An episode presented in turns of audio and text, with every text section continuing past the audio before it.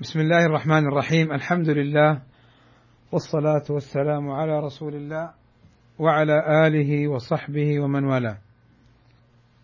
أما بعد فنشرع الليلة بإذن الله تعالى بمواصلة ما كنا تدارسنا به من كتاب من كتاب نزهة النظر للحافظ ابن حجر رحمه الله تعالى. حيث توقفنا عند قوله رحمه الله تعالى فسألني بعض الإخوان أن ألخص له المهم من ذلك. أقول ابن حجر رحمه الله تعالى الحافظ أمير المؤمنين في الحديث رغم أنوف الحدادية والمليباريه أقول لما ذكر بعض المؤلفات في هذا العلم وانتهى إلى الحافظ ابن الصلاح في كتابه المقدمة أو علوم الحديث يقول فسألني بعض الإخوان وهذا من تواضع الحافظ ابن حجر كما ذكر بعض أهل العلم لأن الظاهر أن الذي سأله وطلب منه ذلك طلابه وهذا من تواضعه فيتعامل معهم على أنه أخ لهم. قال فسالني بعض الإخوان أن ألخص له المهم من ذلك. طيب ما راح أخليها تروح لازم أعلق شوية معليش. أحيانا نجد عند بعض هؤلاء يكون صغير السن يعني عمره خمسة وعشرين ثلاثين خمسة وثلاثين أربعين.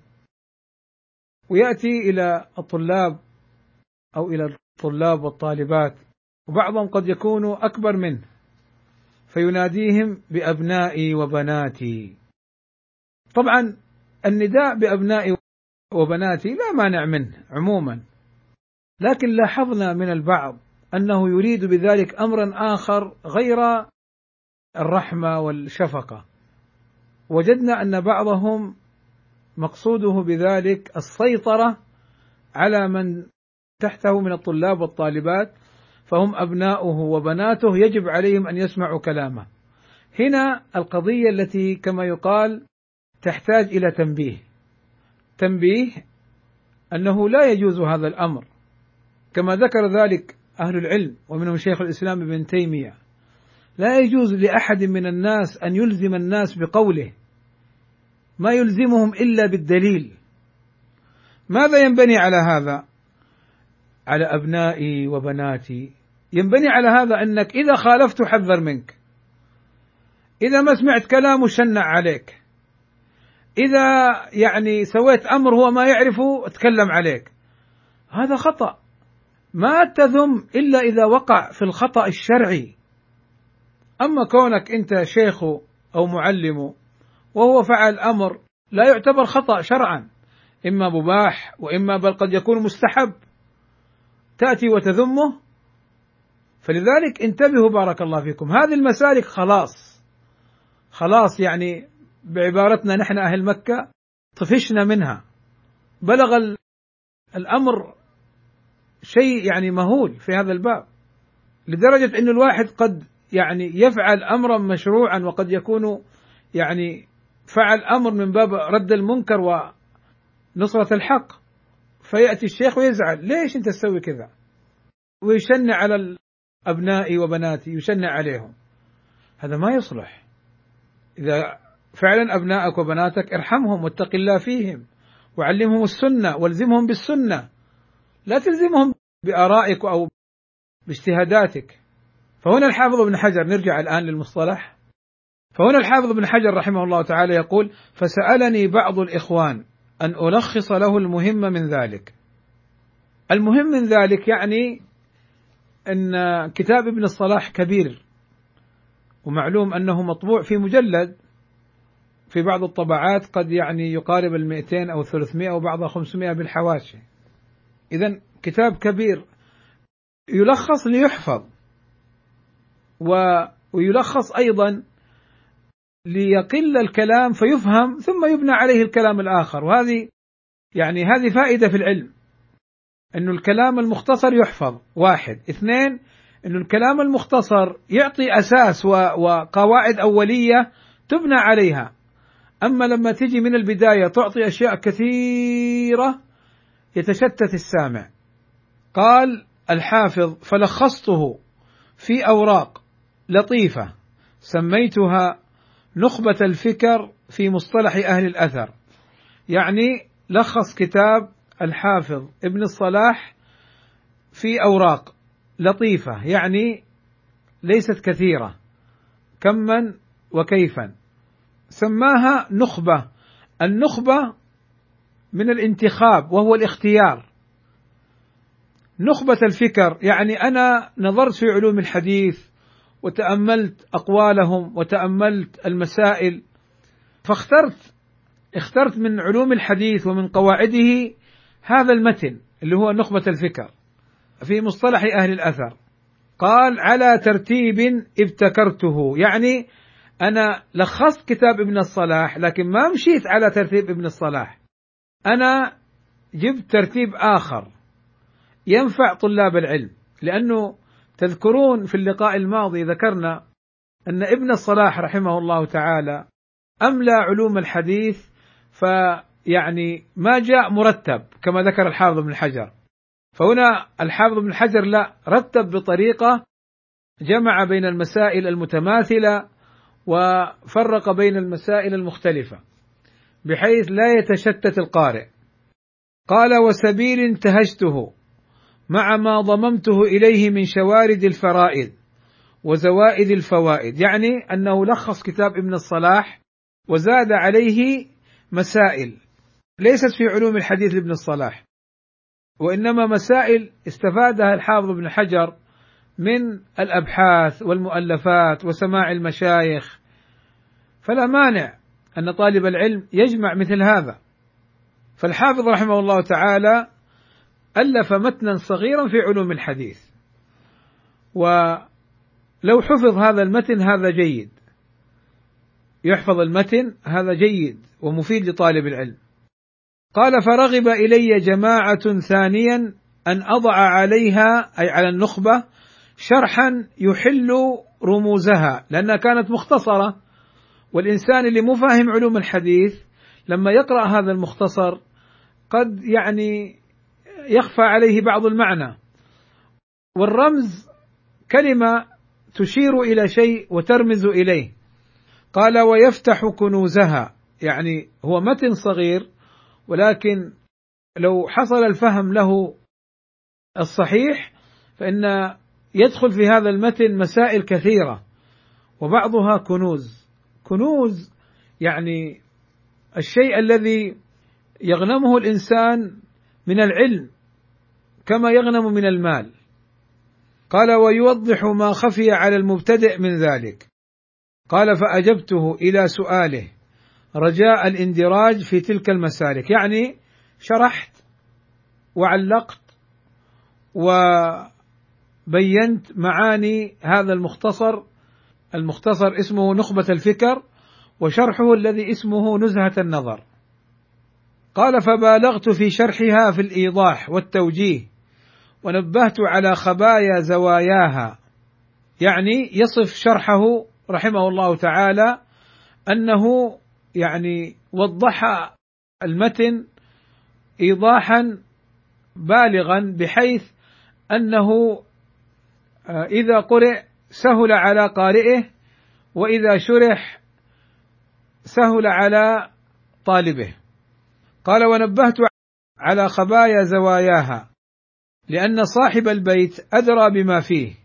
يقولون هذا من ابن حجر رحمه الله تعالى إشارة إلى أنه لما ألف المتن نخبة الفكر وانتشر قام بعض أهل عصره بشرحه. قام بعض أهل عصره بشرحه. ولكن لما شرحه ذاك يقولون اسمه الشمني. لما شرحه لم يكن شرحه بمستوى المتن ففاتت عليه أمور وأمور. ولذلك قال ونبهت على خبايا زواياها لأن صاحب البيت أي صاحب المتن المختصر أدرى بما فيه إذا شرحه وبين معانيه. ثم قال وظهر لي أن إيراده على صورة البسط أليق ودمجها ضمن توضيحها أوفق. يعني هو لما جاء شرح المتن عنده عدة طرق للشرح. إما أن يقول قوله كذا وشرحه كذا وكذا وكذا.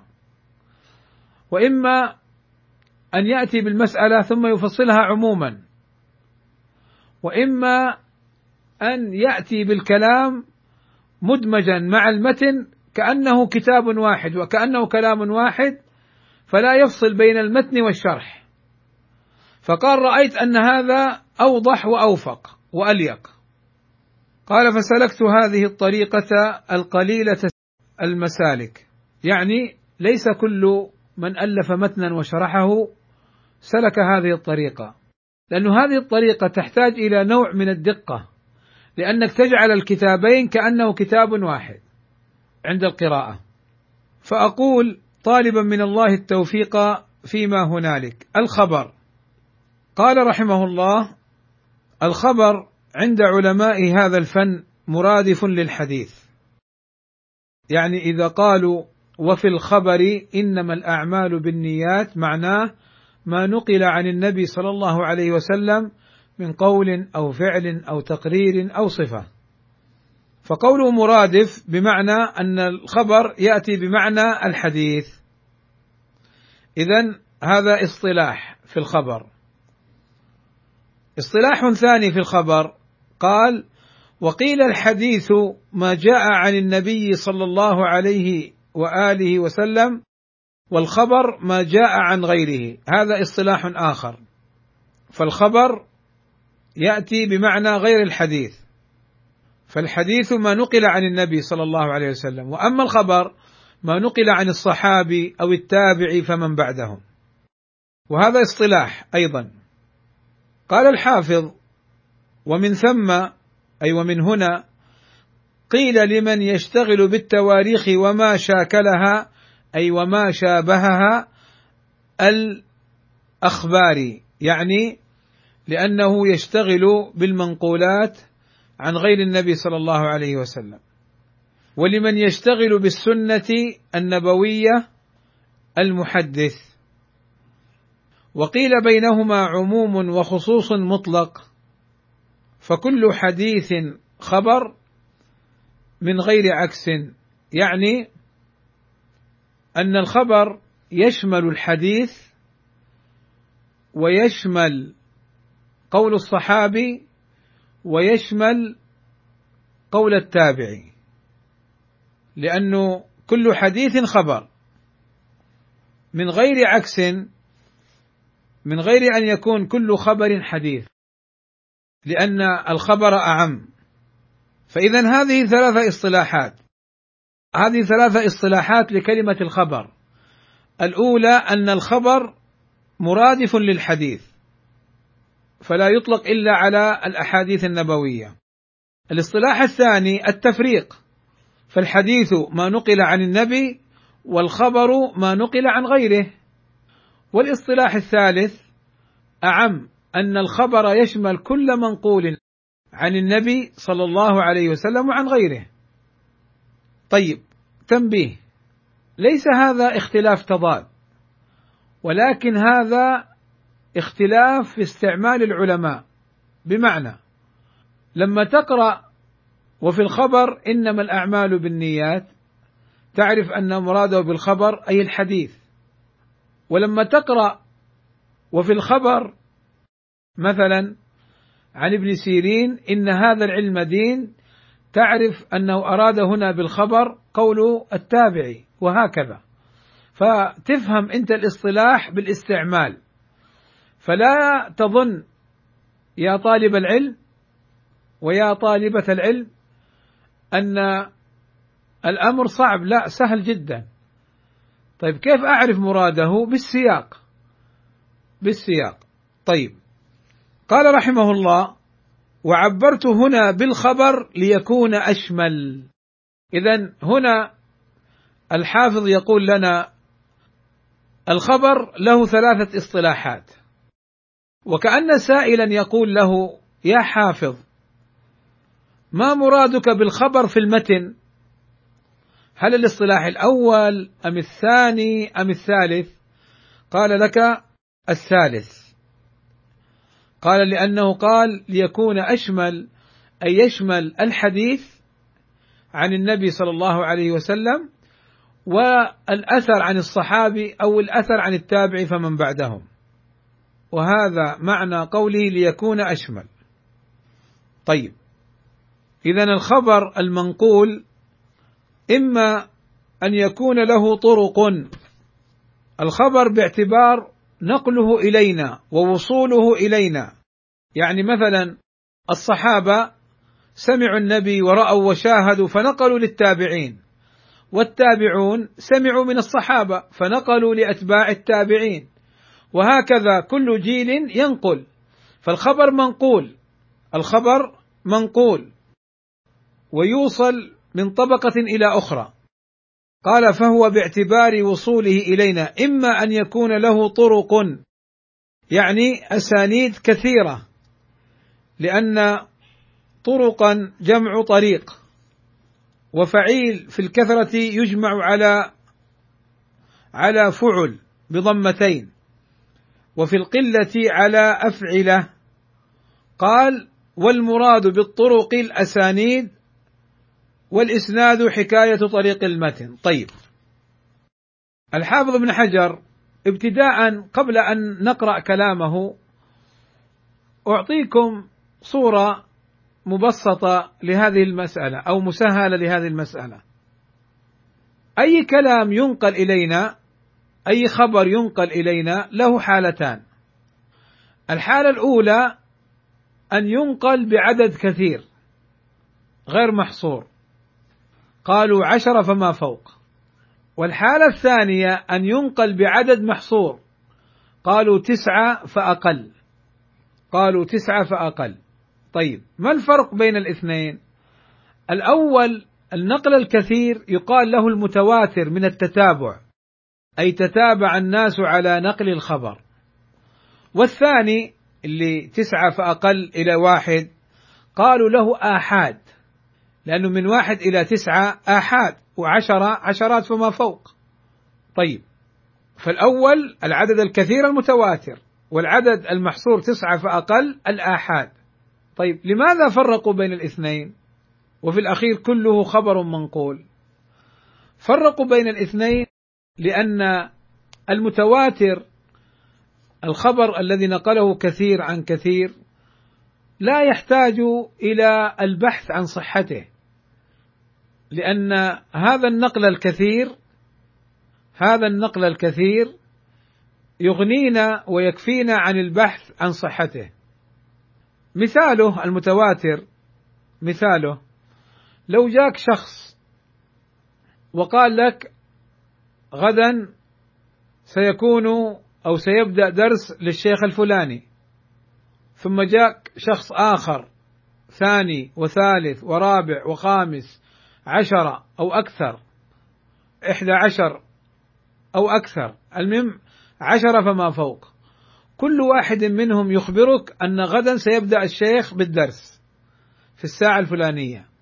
الآن هل هذا السامع جاءه هذا العدد الكثير هل يبقى في نفسه شك أو هل يحصل في نفسه شك أن الاحتمال الكلام مو صحيح أم يبلغ مرحلة العلم واليقين يبلغ مرحلة العلم واليقين. فما يحتاج يتأكد إنه غدا في درس أو لا. من أين حصل له هذا العلم واليقين؟ من هذه الكثرة. وأما الآحاد الواحد والاثنين والثلاثة إلى التسعة فإن جاء من طريق الثقات والعدول فهو يفيد في النفس صدق المخبر ويحصل العلم به على الصحيح وأما إن نقله كما سيأتينا إن نقل الخبر بعض من لا يوثق بنقله فيحتاج إلى البحث والنظر. طيب نرجع مرة ثانية، اذا الحديث المنقول أو الخبر المنقول إما أن ينقل بعدد كثير أو بعدد قليل، الكثير عشرة فما فوق والقليل تسعة فأقل إلى الواحد. نرجع مرة ثانية الآن لكلام الحافظ ابن حجر، يقول الحافظ ابن حجر: فهو باعتبار وصوله إلينا إما أن يكون له طرق طرق بضم الطاء والراء أي أسانيد كثيرة يعني ينقله كثيرون. قال لأن طرقا جمع طريق وفعيل في الكثرة يجمع على فعل بضمتين وفي القلة على أفعلة. يعني هذا كأنه يقول قولي إما أن يكون له طرق أي طرق كثيرة. لأنه قد يقول قائل لماذا لم تقل يا حافظ ابن حجر طرق كثيرة؟ قال لك أنا استغنيت عن كلمة كثيرة بالوزن طرق فعل الدال على الكثرة الدال على الكثرة. ولذلك هو كأنه يرد على متعقب عليه يقول كان ينبغي أن يزيد كلمة كثيرة. فيقول الحافظ بن حجر لا أنا ما أحتاج إني أزيد كلمة كثيرة أنا هذا مختصر. لكن أنت اللي ما أنت فاهم ما أنت فاهم الصرف. الصرف أو كلام العرب إذا قالوا طرق فعل أي كثيرة. وهذا يذكرنا بحال بعض المتعجلين والمشغبين لما يجي يتعقب وهو مو فاهم. الكلام صحيح ويقعد يتعقب. نفس القضية هنا. الحافظ ابن حجر يقول له لا ترى كلامي صحيح وما أحتاج إلى كلامك. إن كنت مفيدا نحترم كلامك لكن إن كنت مشغبا فاعلم أني لا أحتاج لكلامك. فيقول طرق تفيد الكثرة. طيب وإن شاء الله آه، من الدروس التي سنأخذها في المعهد ما يتعلق باللغة العربية من جهة صرف الكلام وهو علم قد يظن الظان أنه صعب ولكن إن شاء الله سنأخذه في فصول ومباحث مهمة وملمة وأوضحه لكم وإن شاء الله يحصل لكم العلم به. طيب قال والمراد بالطرق الأسانيد والإسناد حكاية طريق المتن. طيب الآن مثلا على سبيل المثال ناخذ يا ريت يعني تكتبون معي حتى أوضح لكم السند والمتن. لأن الحافظ بن حجر أورد هنا السند وأورد المتن. فما هو السند والإسناد وما هو المتن؟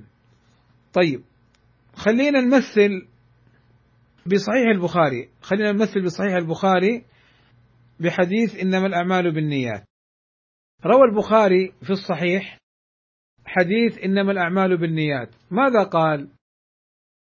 قال حدثنا الحميدي قال حدثنا سفيان قال حدثنا يحيى بن سعيد الأنصاري قال أخبرني محمد بن إبراهيم التيمي. أنه سمع علقمة بن وقاص الليثي يقول سمعت عمر بن الخطاب رضي الله عنه على المنبر قال سمعت رسول الله صلى الله عليه وسلم يقول إنما الأعمال بالنيات وإنما لكل امرئ ما نوى فمن كانت هجرته إلى دنيا يصيبها أو إلى امرأة ينكحها فهجرته إلى ما هاجر إليه.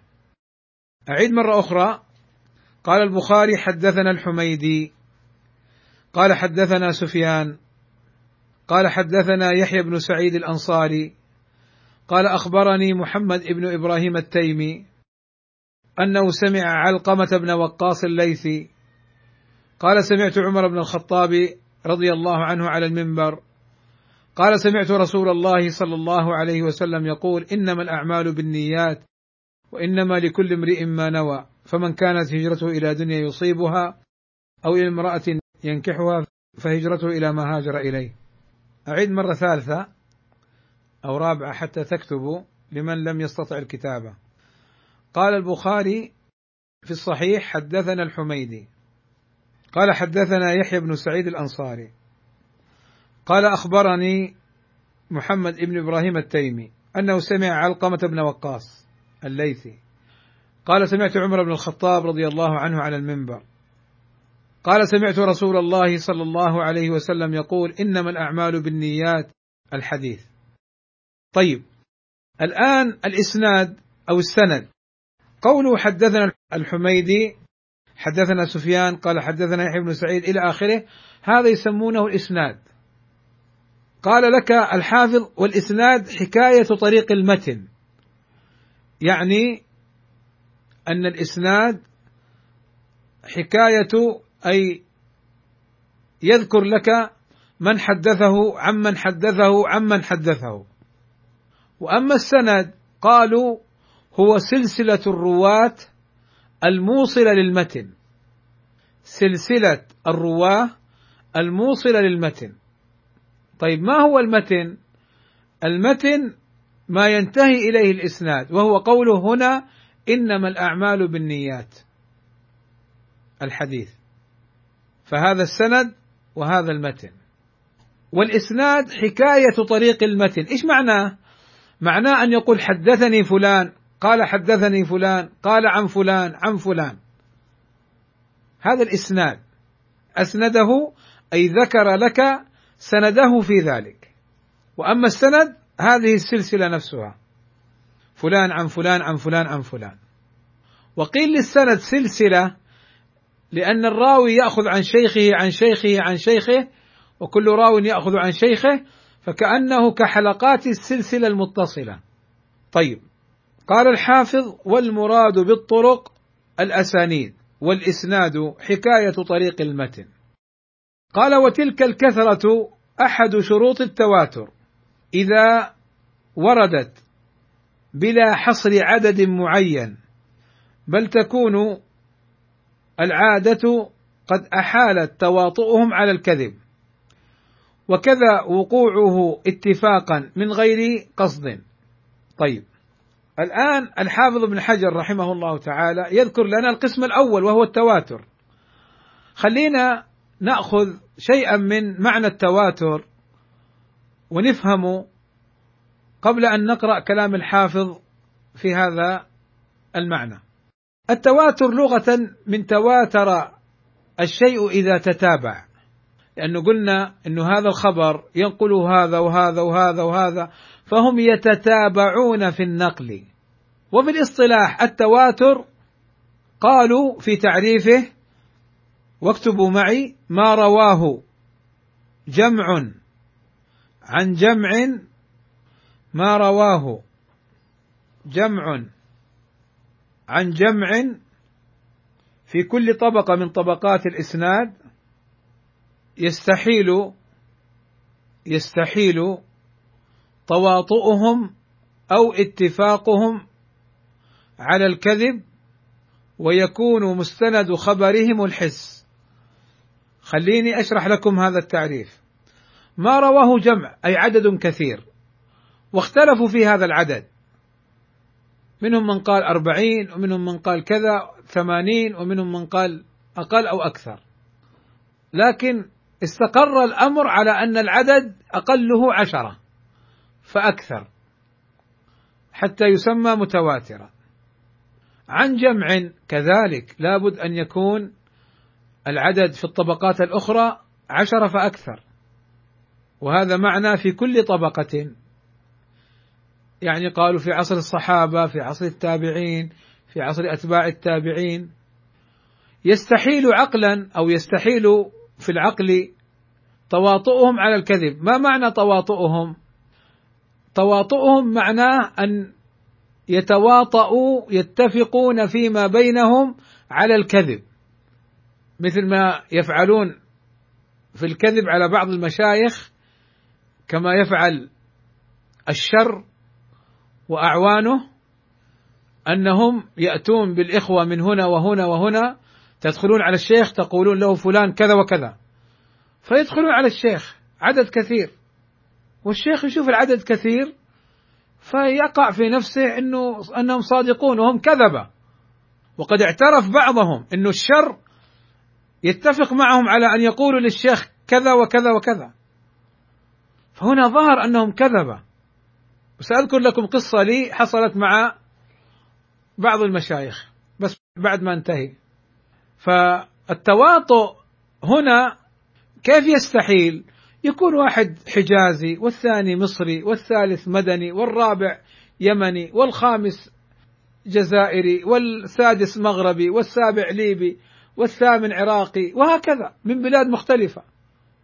ولا صلة لهم بعضهم مع بعض. كذلك أن يكونوا حفاظ أو يكونوا علماء كذلك يدل على عدم تواطؤهم. إما اختلاف المدن وإما صفاتهم. هم أجل من أن يكذبوا كمالك وشعبة والثوري وابن عيينة وغيرهم. فهنا إذا كانوا عدد كثير واستحال عقلا تواطؤهم اتفاقهم على الكذب. قال الحافظ ابن حجر رحمه الله تعالى وكذا وقوعه اتفاقا. ما معنى قوله اتفاقا؟ ليس معنى قوله وقوعه اتفاقا أي أنهم توافقوا لا. اتفاقا أي وقع منهم من غير قصد. يعني أنا مثلا جاني واحد نقل لي خبر. هذا الواحد اللي نقل لي خبر هو كذاب قال راح أكذب على فلان وأقول له كذا. ثم جاء واحد ثاني من راسه من غير اتفاق مع هذا يبغى يقول لي نفس الخبر الكذب هذا. وثالث ورابع وخامس كلهم نقلوا لي الخبر يعني كذبا من غير أن يتفقوا. ولذلك قال قد أحالت تواطؤهم يعني العادة قد أحالت أي تواطؤهم أي توافقهم في الكذب يعني تواطؤهم بمعنى اتفاقهم وتعمدهم الكذب فيما بينهم على الشخص المكذوب عليه. وكذا اتفاقا من غير قصد. يعني لا يمكن ما يجيني واحد يقول هذا الخبر لعله كل واحد كذا لوحده جالس وقال راح أقول هذا الكلام. لا. لا يمكن عادة يستحيل هذا الأمر. واضح؟ فشرط التواتر أن يستحيل تواطؤهم اتفاقهم وتوافقهم قصدا أو بغير قصد على الكذب. ثم أن يكون مستند خبرهم الحس يعني سمعت أو رأيت أو نحو ذلك. خرج بالحس العقل كالسماء فوقنا والأرض تحتنا. هذا مو متواتر. هذا ليس خبرا متواترا. فالتواتر لابد فيه من النقل الحس السمع والبصر ونحو ذلك. سمعت رأيت. اذا هذا هو شرط المتواتر. نعيد مرة أخرى كلام الحافظ. قال وتلك الكثرة أحد شروط التواتر إذا وردت بلا حصر عدد معين. بل تكون العادة قد أحالت أي منعت تواطؤهم على الكذب اتفاقهم قصدا على الكذب. وكذا وقوع اتفاقا من غير قصد. قال فلا معنى لتعيين العدد على الصحيح. يعني في كل طبقة في كل طبقة هل يشترط أربعين ثلاثين؟ لا معنى لتعيين العدد.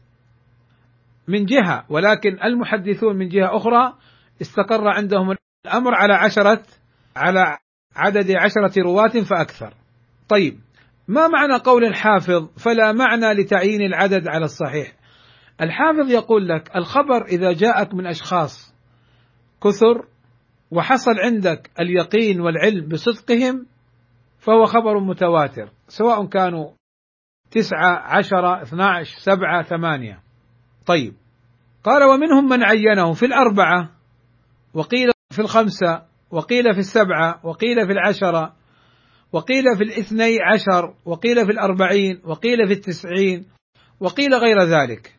ليش هذه الأعداد؟ يعني شافوا الأدلة في أمور أخرى يعني في الزنا أربع شهود. قالوا اذا في الخبر أربع شهود في التواتر.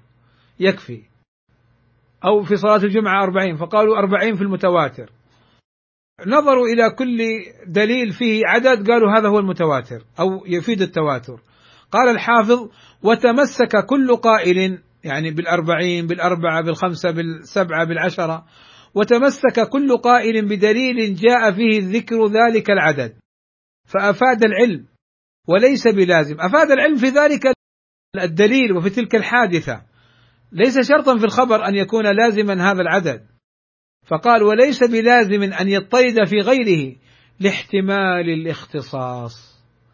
يعني مثلا في الزنا يكفي أربعة في الشهود اثنين في آه، اللعان خمسة في آه، الطواف أو رمي الحجاب سبعة. مثلا يعني العدد ليس لازم أن ينتقل إلى الخبر وأنه كذلك. قال الحافظ فإذا ورد الخبر كذلك. أي نقل كثير عن نقل كثير تحيل العادة تواطؤهم أو اتفاقهم على الكذب ومستند خبرهم الحس.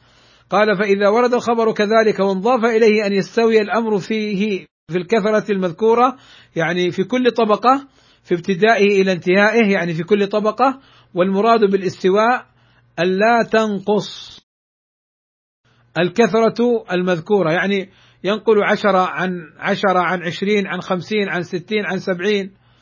لكن ما تجي طبقة عشرة في طبقة خمسة. قال والمراد بالكثرة شوف ماذا يقول. قال والمراد بالاستواء أن لا تنقص الكثرة المذكورة في بعض المواضع. لا أن تزيد يعني ممكن يروي عشرة عن ثلاثين عن خمسين عن ستين. إذ الزيادة مطلوبة هنا من باب أولى يعني في الخبر المنقول العدد الكثير يعني مطلوب. قال وأن يكون مستند انتهائه الأمر المشاهد أو المسموع وهذا معنى قولهم ويكون مستند خبرهم الحس. لا ما ثبت بقضية العقل الصرف كالواحد نصف الاثنين أو السماء فوقنا والأرض تحتنا. فهذا هو التواتر يعني الذي ثبت بالسمع وبالمشاهدة أو السمع فهذا هو المتواتر مع الشروط السابقة. قال فإذا جمع هذه الشروط الأربعة عدد كثير أحالت العادة تواطؤهم أو توافقهم على الكذب. واحد. اثنين. رووا ذلك عن مثلهم من الابتداء إلى الانتهاء في كل طبقة. ثلاثة. وكان مستند انتهائهم الحس سمعت أو شاهدت. وانضاف إلى ذلك أن يصحب خبرهم إفادة العلم لسامعه فهذا هو المتواتر. يعني هذا المتواتر الذي يذكره الأصوليون والمحدثون. طيب يقول الحافظ فهذا هو المتواتر. ما معنى وانضاف إلى ذلك أن يصحب خبرهم إفادة العلم لسامعه؟ أحيانا يخبرك عشرة عشرين لكن ما تصدقهم لأنك أنت تعرف إنه هذول لعابين وعصابة ومع بعض ولهم جنود فما تصدقهم لكن إذا صدقتهم حصل التواتر. وانتبهوا لما يجيك خبر من طرق مختلفة يفيد العلم وتقول أنا ما أصدقهم لهواك أنت لعاب. لا تصدقهم إذا حصل هناك ريبة في النقل. أما لهواك ولي يعني كما يقال لحاجة في نفسك فهذا أمر آخر. ليست العبرة في هذا بهواك إنما العبرة بالحقائق وبالدلائل. يقول الحافظ وما تخلفت إفادة العلم عنه كان مشهورا فقط. يعني إذا كان روى عدد كثير وما أفاد العلم بصدق المخبر يكون يسمى مشهورا لا يسمى متواترا. قال فكل متواتر مشهور لأنه روى عدد كثير من غير عكس لأن المشهور يتخلف عنه إفادة العلم. يعني لا يوجد فيه إفادة العلم المشهور. أما إذا أفاد العلم مع الشروط السابقة فهو متواتر. قال وقد يقال إن الشروط الأربعة إذا حصلت استلزمت حصول العلم وهو كذلك في الغالب ولكن قد تتخلف عن البعض لمانع. يعني إذا حصل شك أو حصل أمر ريبة في الأمر يعني لا يفيد العلم. قال وقد وضح بهذا تعريف المتواتر. طيب أقف هنا فيما يتعلق بالمتواتر. وكنت ذكرت لكم سابقا أني سأذكر لكم امرا حصل يشابه قضية التوافق على الكذب. أذكر آه، قصة أخينا الشيخ ابي الفضل الليبي. توافق بعض الليبيين ممن يعاديه على أن يذهبوا إلى الشيخ الفلاني ويشتكوه ويقولون يعني أفسد الدعوة ونحو ذلك من العبارات الفضفاضة التي لا تحمل يعني حقيقة كيف أفسد الدعوة؟ يمكن أفسد دعوة بمعنى أفسد باطلكم ورد منهجكم المخالف للحق ما معنى أفسد الدعوة؟ بين لي فقد يكون الإفساد بالنسبة لك لأنك أنت فاسد. فأبو الفضل فيما نعرفه ونحسبه والله حسيبه ولا أزكي على الله أحدا إنسان صاحب علم فاضل عنده من الورع والتقوى أفاد أهل بلده وغيرهم بالدروس والتأليفات وأنا أعرفه بذلك. فكان الشيخ يتأثر بهؤلاء الكثرة. فكان الشيخ يعني يكلمني في أبي الفضل. يقول لي انصح أبا الفضل بكذا وكذا وكذا.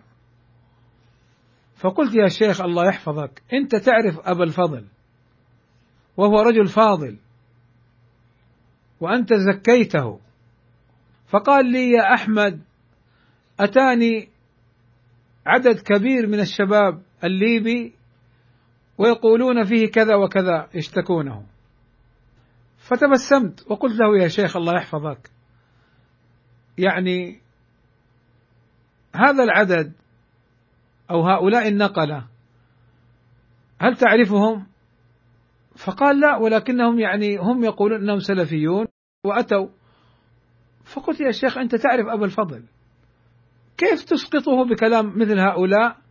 ما أقاموا حجة على كلامهم إلا النقل وأبو الفضل معروف فقال لي فقال الشيخ الله يحفظه قال لي يعني هؤلاء كلهم كذابون وأبو الفضل هو الصادق؟ فقلت يا شيخ الله يحفظك ألا يحتمل أن هؤلاء النقلة يعني هم أعداؤه فهم يكذبون عليه؟ فنحن نحتاج إلى تحقق. فنظر يعني الشيخ نظر في كذا و... وقال طيب خير إن شاء الله خير إن شاء الله أو كلام معناه. ثم بعد سنوات سنتين أو ثلاث أو أربع اعترف بعض الليبيين أنهم كانوا يتواطؤون ويتفقون مع الشر ومع بعض الحثالة اللي في ليبيا ومع بعض المخالفين لأبي الفضل يتفقون أن يذهبوا ويدفعون أموال للسفر أن يذهبوا إلى الشيخ الفلاني ويقولون له يا شيخ ترى آه، يعني فلان أبو الفضل فيه وفيه وفيه وفيه حتى يغضب منه. فظهر بهذا أنهم يكذبون. كذلك أبو الفضل نفسه يكذبون عليه في قصة أنا أذكرها وضروري أن أذكرها. أنهم يعني أتوا بورقة موقعة من شهود وأن أبو الفضل وقع في أمر كذا وكذا من المعاصي. طبعا في لما كان في اليمن وأنه طرد من اليمن أو كذا بسبب هذه الواقعة. جاءنا رجل معروف ممن كان عند الشيخ مقبل ومسؤول هناك وسألناه كنا جمع من طلبة العلم والمشايخ سألناه عن هذا الكلام فكذبه. فظهر أن هذه الورقة مكذوبة. البيانات البيانات. من فرنسا من أمريكا من كذا من كذا. شهادات شهادات شهادات. بعضها مكذوبة ومفتراه. بل أكثرها مكذوبة ومفتراه. حتى يؤلب المشايخ على السلفيين. ولذلك يا إخواني أنا أقول هنا وألفت الأنظار إلى ما سبق أن قلته. هذا مخطط مدروس مدفوع مأجور خارجي بمعنى أنه تنظيم خبيث لضرب الدعوة السلفية. إلا هذه الأشياء كيف حصلت؟ وكيف وقعت؟ لا يمكن أن تحصل هكذا. لابد في شيء مدروس خطط مستأجرين لهذا الأمر. عموما هذا تنبيه تنبيه آخر. بعض الناس ينسب لي في هذه الفترة أني مع فلان أو مع فلان.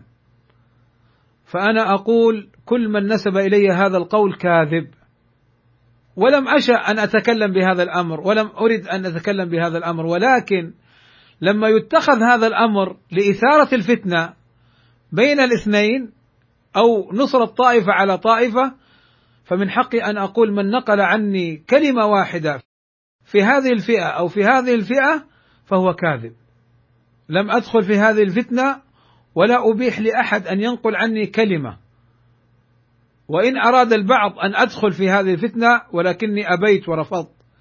لأني ما نصحتكم به أنا أنصحه لنفسي من عدم الدخول في الفتنة. فأرجو أن تتنبهوا لهذا الأمر. وهنا مسألة ليس الآن وقت الكلام فيها ولكني سأذكرها إن شاء الله في لقاء قادم. إن يسره الله عز وجل لنا. ما هي هذه النقطة؟ أنا أبين أنها خطأ ثم بعد ذلك أبين ما يتعلق بها.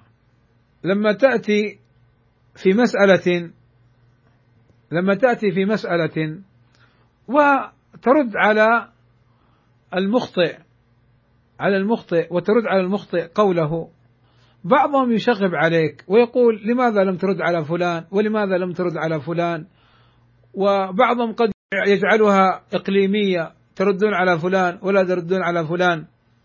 فيشغب على الحق بمثل هذا الكلام. وهذا خطأ. أعني هذا التشغيب على الحق خطأ ليس بلازم. إن شاء الله أبينه لكم في لقاء قادم في قابل الأيام بإذن الله تعالى. وأنبه وأكرر أنه أن بعض الناس قد يحمل كلامي على فئة معينة فهذا فهمه وقلبه المظلم. وإلا كلامي واضح سابقا ولاحقا. أني لا أخوض في الفتنة وأنصح الجميع أن يسكتوا وأن يصبروا وأن يدعوا الكلام للعلماء يصلح بينهم ويحل الخلاف. أما نحن كلنا نسكت ونصبر حتى تنتهي الفتنة بإذن الله تعالى. وصلى الله وسلم على نبينا محمد وعلى آله وصحبه أجمعين.